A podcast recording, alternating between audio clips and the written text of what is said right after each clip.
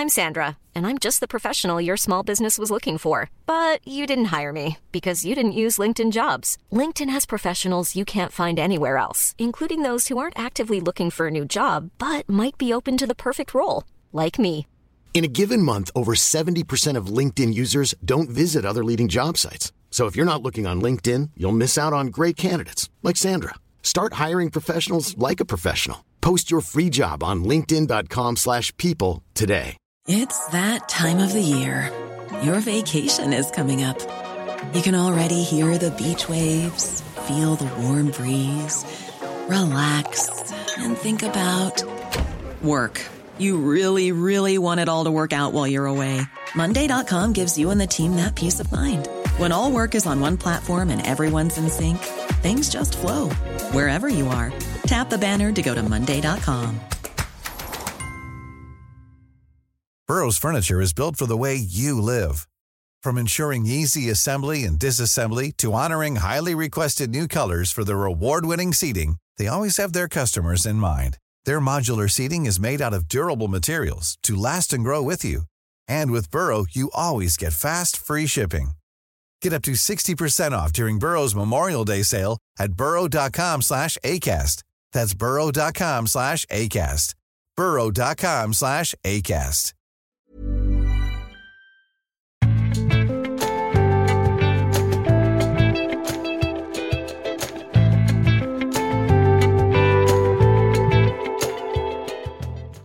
Er det mulig å forstå noe av Johannes' åpenbaring? Dette er Tore og Tarjei, en podkast fra dagen.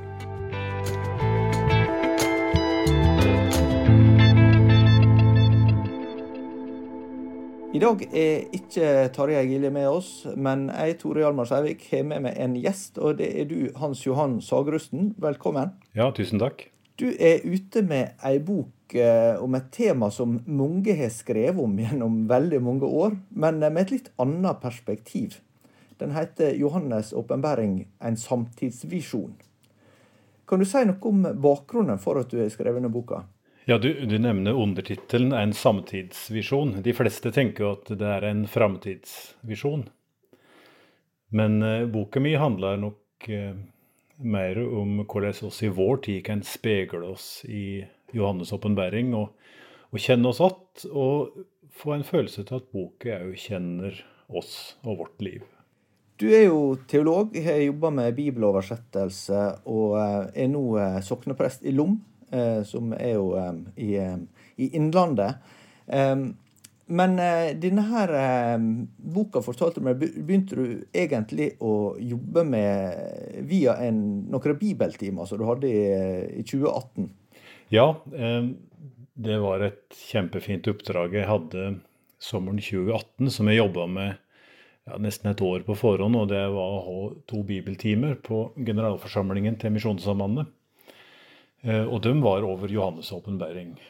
Og eh, dette var et stoff som ga meg mye, og det ga meg mye å arbeide videre etterpå. Så jeg kom nokså fort på den ideen at jeg skulle jobbe videre på samme måten gjennom hele boka. Og det har jeg nå brukt fire år på. Eh, Somme vil si at denne boka her, den virker jo helt uforståelig. For den er full av bilder, og den eh, har en veldig lang og omfattende tolkningshistorie som har gått i svært mange forskjellige retninger. Og så har du valgt en mer sånn personlig inngang til det. Altså eh, at du ikke prøver å presentere egentlig et eh, ja, en sånn eh, verken en vurdering av alle de eh, forklaringene som har vært gitt, eller heller, sånn som jeg forstår det, et eget endetidssyn, eller en eschatologi, som en kaller det med, med teologfaglig språkbruk. Eh, kan du si noe om hva, som, hva prosjektet ditt er? Altså, Hvordan går du gjennom boka? Ja, det er som du sier, det er ikke ei, drøfting.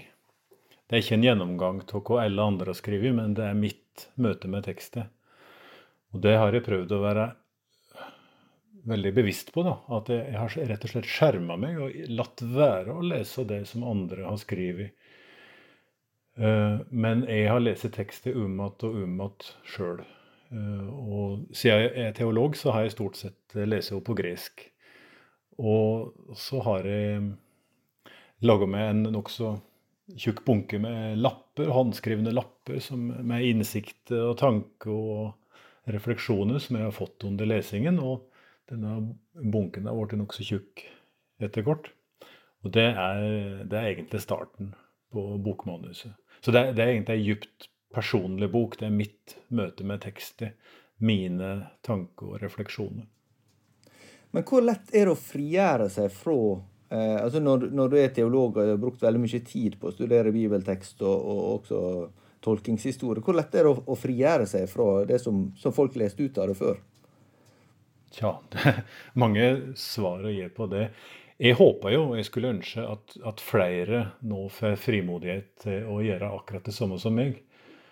Å lese tekster på egen hånd, og så bare la de bildene stige fram som, som kommer, og, og kjenne etter hvordan de speiler livet ditt, og hva de har å gi deg i dag.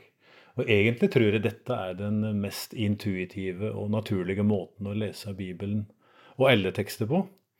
Det er eh, ikke å ha med seg en haug med forkunnskap og, og, verk du har lest på forhånd for å forberede deg, men det er det umiddelbare møtet med tekster.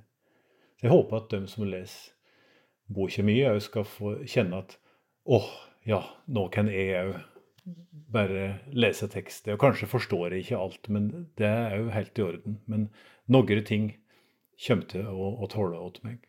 Ofte så, så jo, er jo teologer opptatt av å forklare at ting må leses i sammenheng. At det, det å lese bibeltekster løsrevne fra hverandre eh, også kan føre til at du legger inn masse av dine egne forestillinger når, når, du, når du, leser en tekst. Eh, kan du si noe hvordan du har, tenkt om det, eller hva, hva råd du vil gi de som leser Bibelen, sånn eh, at, at, den, at, den, skal møte den på, på en måte som gjør at tek, det er tekster som møter oss, og ikke våre, at vi ikke bare leter etter bekreftelse av det vi ville vite fra før? Nei, men den, den helt objektive lesingen fins ikke, vet du. Eh, det gjelder jo all kunst at oss har støtt med oss noe av oss sjøl en, eh, en, tekstleser i ei, gudstjeneste eller en skuespiller på teatret tar støtt med seg noe av seg sjøl og si, sin egen personlighet inn i lesingen, og, og som farger måten du vektlegger ting på. En kunstner som måler et motiv, vil støtt legge inn noe av seg sjøl i hvordan motivet blir tolka. Hvis jeg skulle prøve å skrive ei helt nøytral uh, omtale av Johannes' åpenbaring, så hadde det vel for det første blitt en nokså kjedelig bok. Eh, og eh, mindre interessant, tror jeg da. Jeg forventer ikke at alle skal være enige med meg eller, eller tenke at jeg har truffet med alt det jeg skriver, men det er i hvert fall eh, det er det jeg har skrevet. da. Og så får andre lese videre og tenke videre og skrive videre. Hva er det som kjennetegner Johannes' åpenbaring blant de 27 bøkene som vi har i Nytestamentet? Hva er det som er spesielt for den? Johannes er jo en kar som um, får en mengde med syn og visjoner som han ikke hadde venta å få. Og han snubler nokså uforberedt fra syn til syn og, og, sliter med å forstå det og sliter med å skildre det. Han må bruke sammenlikning, og han, han likner på oss. Han er ikke bombesikker på alt, han heller. Men det er én ting han gjør som er eh, viktig, og det er at han lar være å tolke. Han har klart det, å helle fingrene fra fatet. Han sier 'jeg såg', og så skriver han et bilde som han så. Uh, og så har han greid å la være å si at 'dette tror jeg må bety det og det og det'. Men så går han bare videre, og, og så deretter såg jeg og så. Um, så det er ei bok som er fantastisk fri for, uh, for tolkinga. Både Johannes og seinere avskrivere som har overlevert tekstet videre til oss, eh, har greid å helle fingrene fra fatet, rett og slett. Og det gjør det til en utrolig rik og sterk og flott tekst. Som lesere til alle tider, òg i vår tid, kan stige inn i og se seg omkring og se bilder som Summe gir ikke mening, men en god del gir mening for oss i vår tid. Så det er, det en bok som er åpen. Det ligger jo i tittelen òg. Åpenbæring. Eh, Somme har jo eh, sagt, altså blant annet Martin Luther var jo eh, Jeg vet ikke om det er bare et, eh, et, et, et eh, vandre, altså et, en vandrehistorie, men det var en teolog som sa at Luther mente det var verken Johannes eller åpenbaring. Eh, og Han var kritisk til, til flere bøker i Nytestamentet, men, men bl.a. Johannes' åpenbaring. Eh, Forstår du de betenkelighetene som, som man kan ha i møte med tekster? For jeg tenker at her blir liksom opp til eh, altså den, I og med at den handler om så dramatiske ting, så, så kan det virke litt sånn eh, risikabelt å, å slippe, slippe, lesere inn i den, for at den kan bli både forvirra og skremt og, og, og ja, eh, redd for framtida, rett og slett. Ja, det skjønner jeg, og det er jeg inne på i min bok òg. At jeg, jeg, har en djup forståing og en, en djup sympati med at mange tykker denne boka er vanskelig. Det er ikke rart. Og det gjelder ikke bare bibellesere, men det gjelder også predikanter. Og jeg skildrer òg sjøl eh, min egen eh, redsel for å, å ta fram tekster herifra tidligere pga. negative opplevelser jeg har hatt. Um, og en følelse av at det sitter noen eksperter der ute, noen få, som vet alt om åpenbæringen, og som kommer til å ta meg hvis jeg sier noe galt eller skriver noe galt. Så det, det, folk har ikke noe særlig sjølsikkerhet på å ta fram tekster herifra. da. Hva var det som overbeviste deg om at du måtte lese dette som en samtidsvisjon og ikke en framtidsvisjon? Nei, Det var ikke noe jeg bestemte meg for, men det slik har jeg vel egentlig lest i årevis. At uh, når du leser en tekst og lar henne synke inn, og bildet får stige fram for deg, så, så kommer det automatisk at du begynner å se, å se ting som uh, tenker at Oi, denne teksten forstår meg. Hun, hun skjønner oss og vår tid. Hun bruker lignende bilder. F.eks. det med at, uh, at hun skildrer en natur i brå forandring. da. At her er det tale om en tredjedel av livet i havet som dør. Her er det tale om at sola har fått makt til å svi oss altfor sterkt. Um, hun bruker en del bilder som kanskje bare for 50 eller 100 år siden ville ha vært nokså uforståelige. At folk tenkte at dette her er jo ikke realistisk i hele tatt. Det er en, en fjern framtidsvisjon at naturen skal forandre seg slik.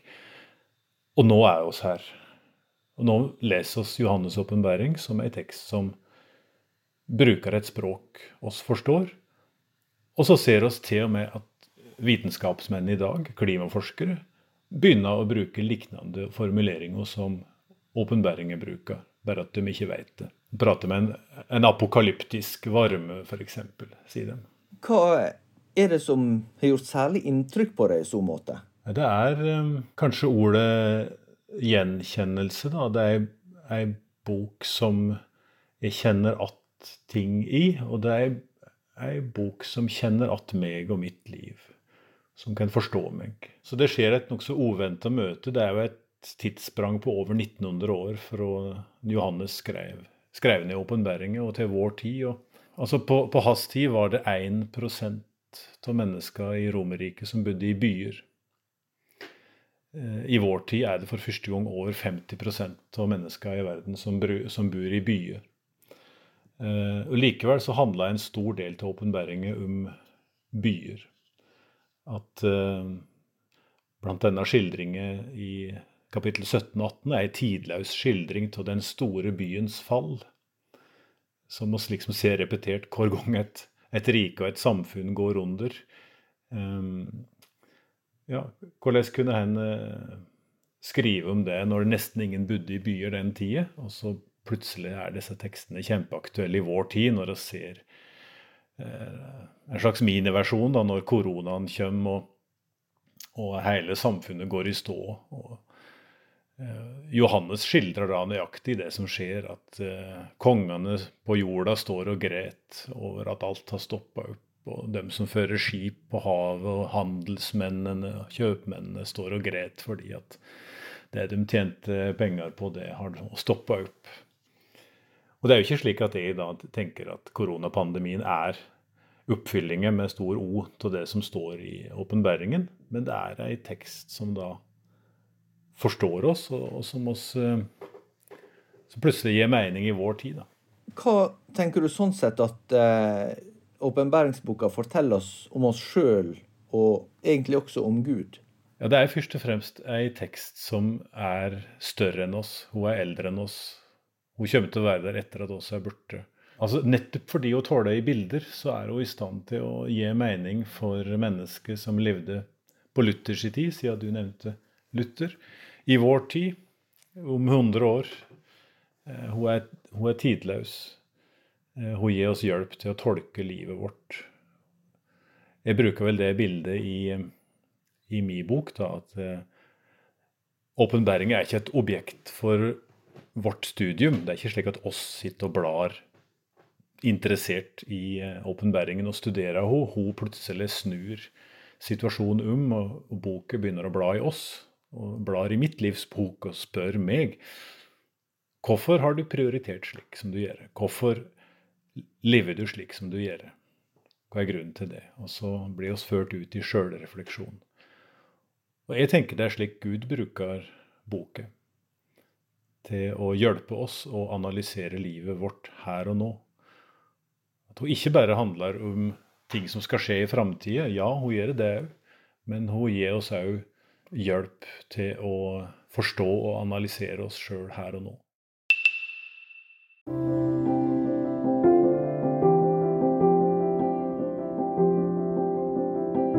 Knif Trygghet er Kristen-Norges eget forsikringsselskap. Hos oss går hele overskuddet tilbake til ideell virksomhet. Derfor har det stor betydning hvor du plasserer forsikringene dine.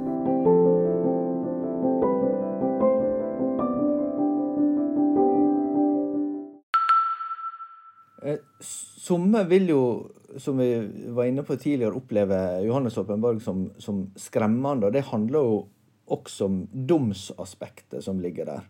Eh, at, at eh, eh, Gud stiller mennesker til ansvar. Eh, og, og, det er jo et sånt gjennomgående tema i, i både Gamle og Nye testamentet. Men det, jo, det blir jo sett på et vis litt på spissen her. Eh, hvordan leser du det?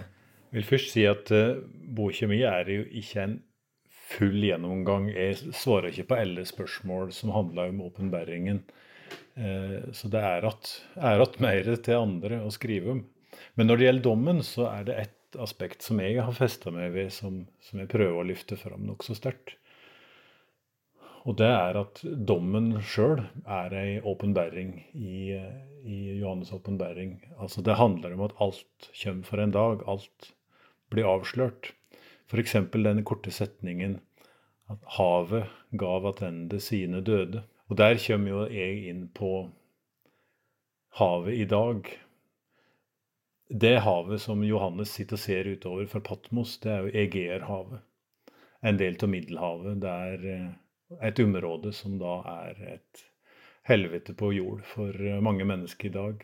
Der migranter drukner i eh, forlis fra dårlige gummibåter som menneskesmuglere har sett på vannet.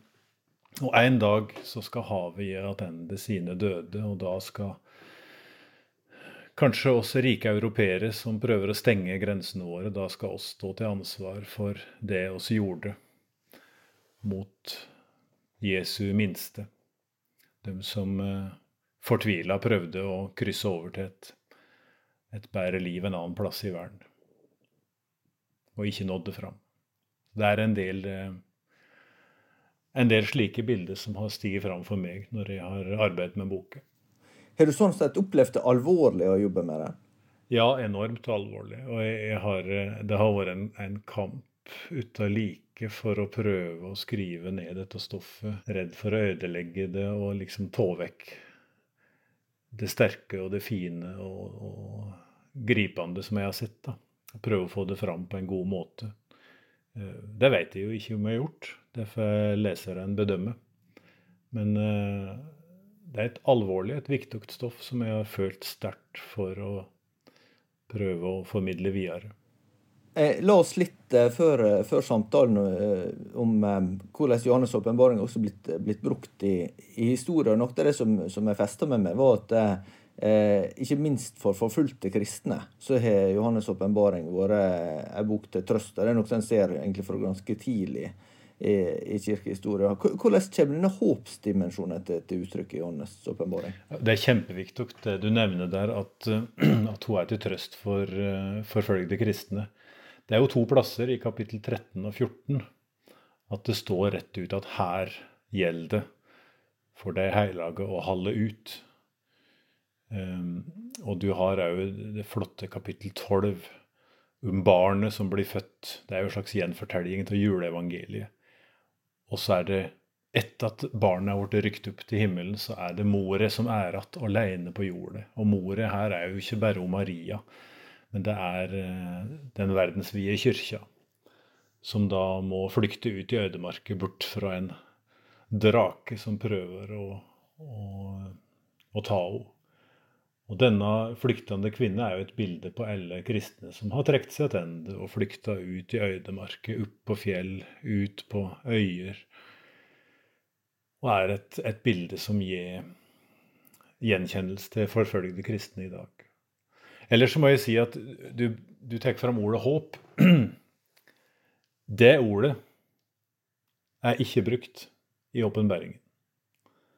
Eh, men det er et ja, En plass i den norske omsetningen så står det 'håp', men det er ikke omsetning for det vanlige ordet for håp på gresk. Eh, så åpenbæringen er på en måte en håpløs bok. Men det er et annet begrep som kommer i stedet, og det er tålmo og verbet 'å holde ut'. Tålmo og å holde ut, det er det det handler om i Johans åpenbæring.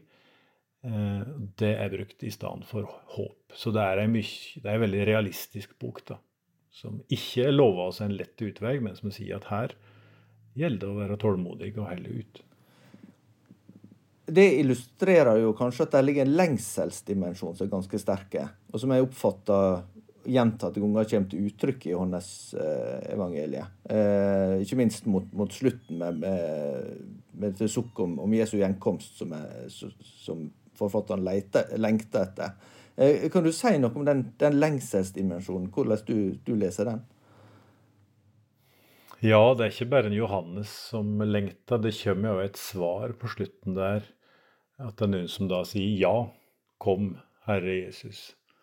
Så det er tydeligvis en, en flokk med disipler, kanskje dem som da har vært til hjelp for om Johannes da å skrive ned og, og samla laga bok av dette visjonsstoffet hans, at de òg føyer på etter, eh, etter den Johannes har skrevet, så føyer de på sin lengsel. Ja, kom, Herre Jesus. Men hva er det da de lengter etter? Altså, hva, hva leser du at den, den gjenkomsten egentlig handler om? Ja, Da er vi inne, på spørsmålet om den nye himmelen og den nye jorda, hvordan en skal lese det.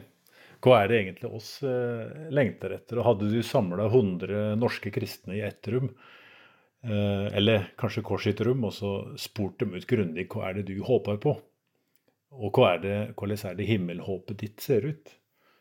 Hvordan tenker du deg eh, det evige livet? Så hadde du antagelig fått 100 forskjellige svar. Er det den gamle jorda som blir ny, eller er det ei anna jord? er jo et spørsmål. Og det prøver jeg å gi mitt svar på i boka, da.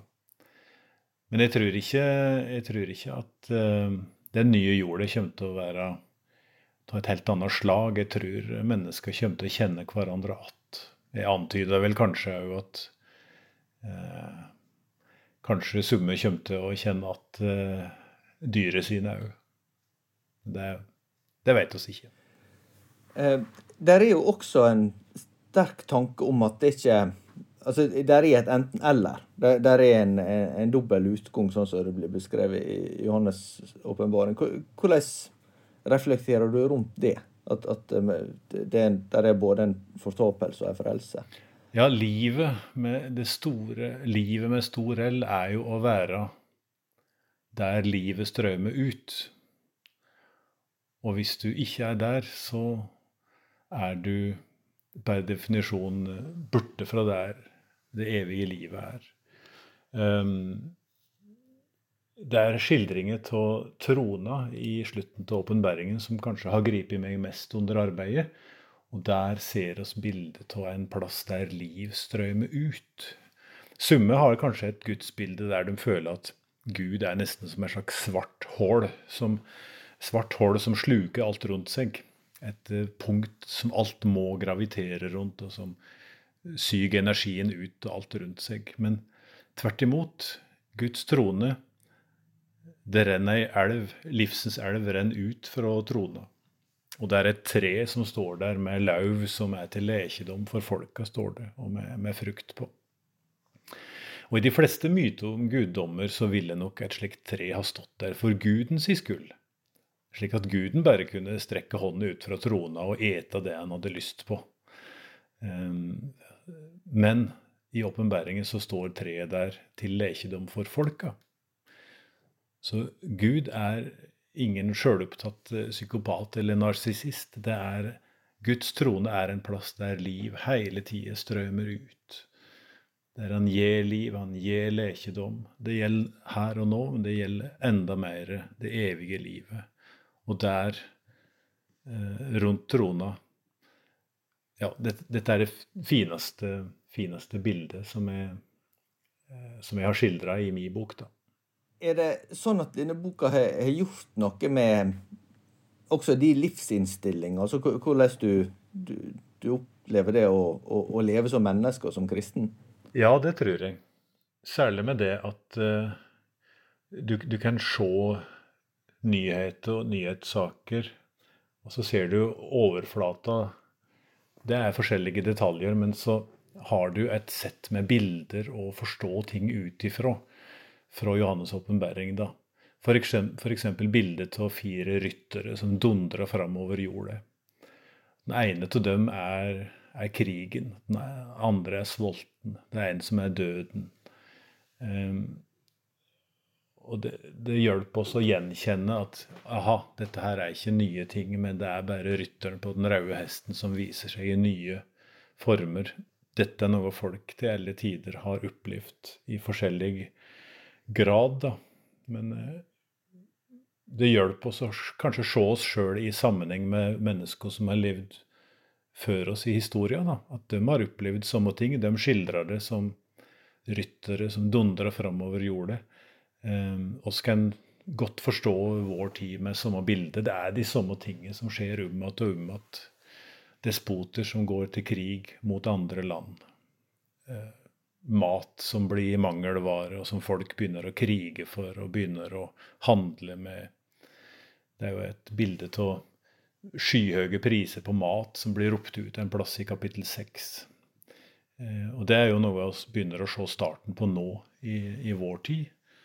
Eh, at eh, det blir knapt med mat. Da blir det kriging pga. mat. og det blir, Mat blir et pressmiddel, et maktmiddel som folk kan bruke mot en annen. Og alt dette finnes i åpenbaringen.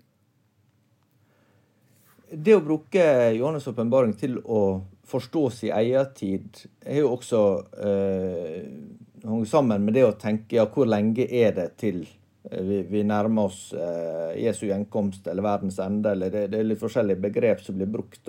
Eh, hva, hva, har arbeidet ditt gjort med, med, med, hva du tenker om altså Forteller denne boka oss om hva som skal skje i framtida? At du kan utarbeide sånn systematisk forståelse av, av endetida eller de siste ting, eller tenker du at det, det er for krevende egentlig for, for mennesker som hvor mye en jobber med boka?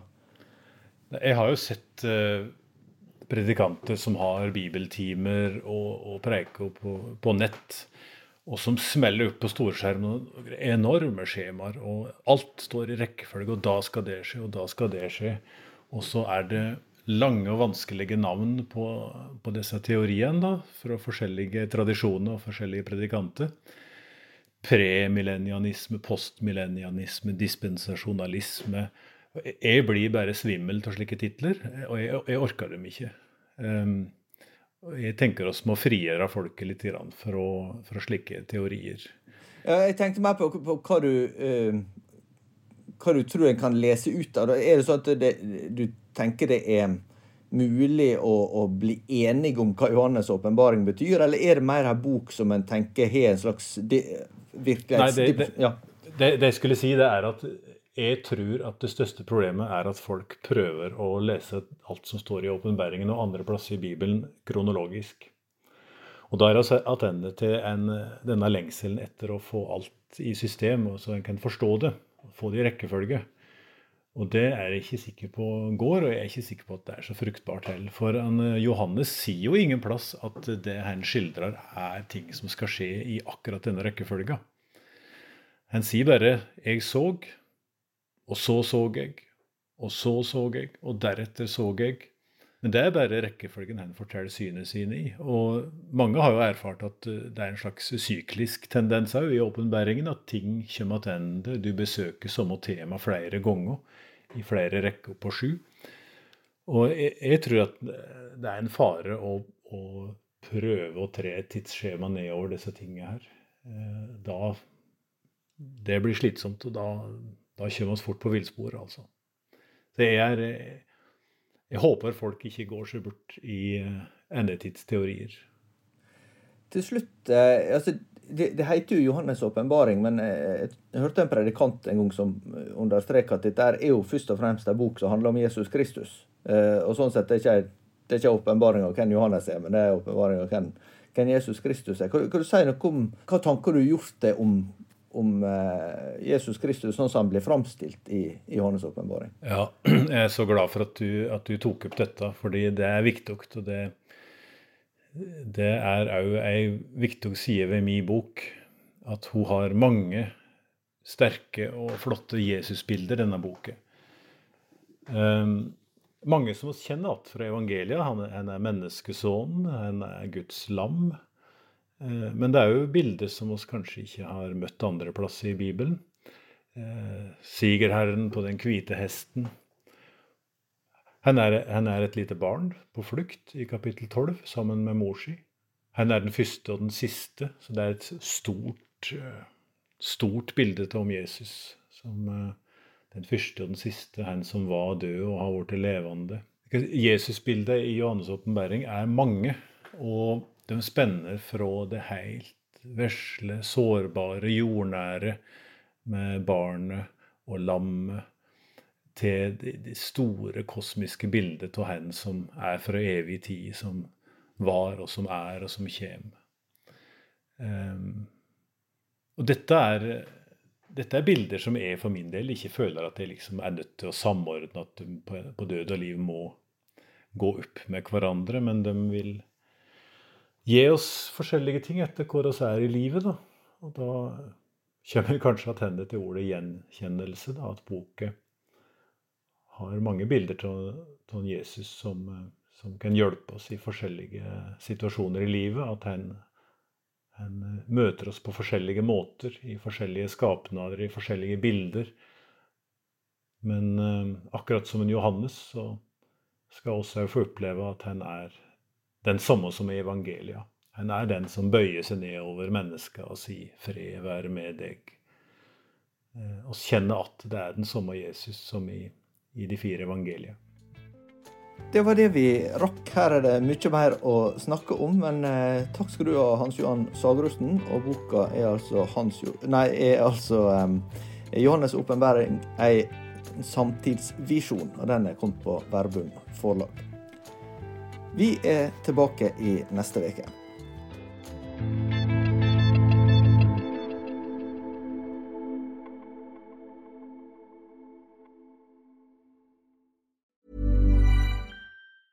A lot can happen in three years, like a chatbot may be your new best friend. But what won't change? Needing health insurance. United Healthcare Tri Term Medical Plans, underwritten by Golden Rule Insurance Company, offer flexible, budget friendly coverage that lasts nearly three years in some states. Learn more at uh1.com.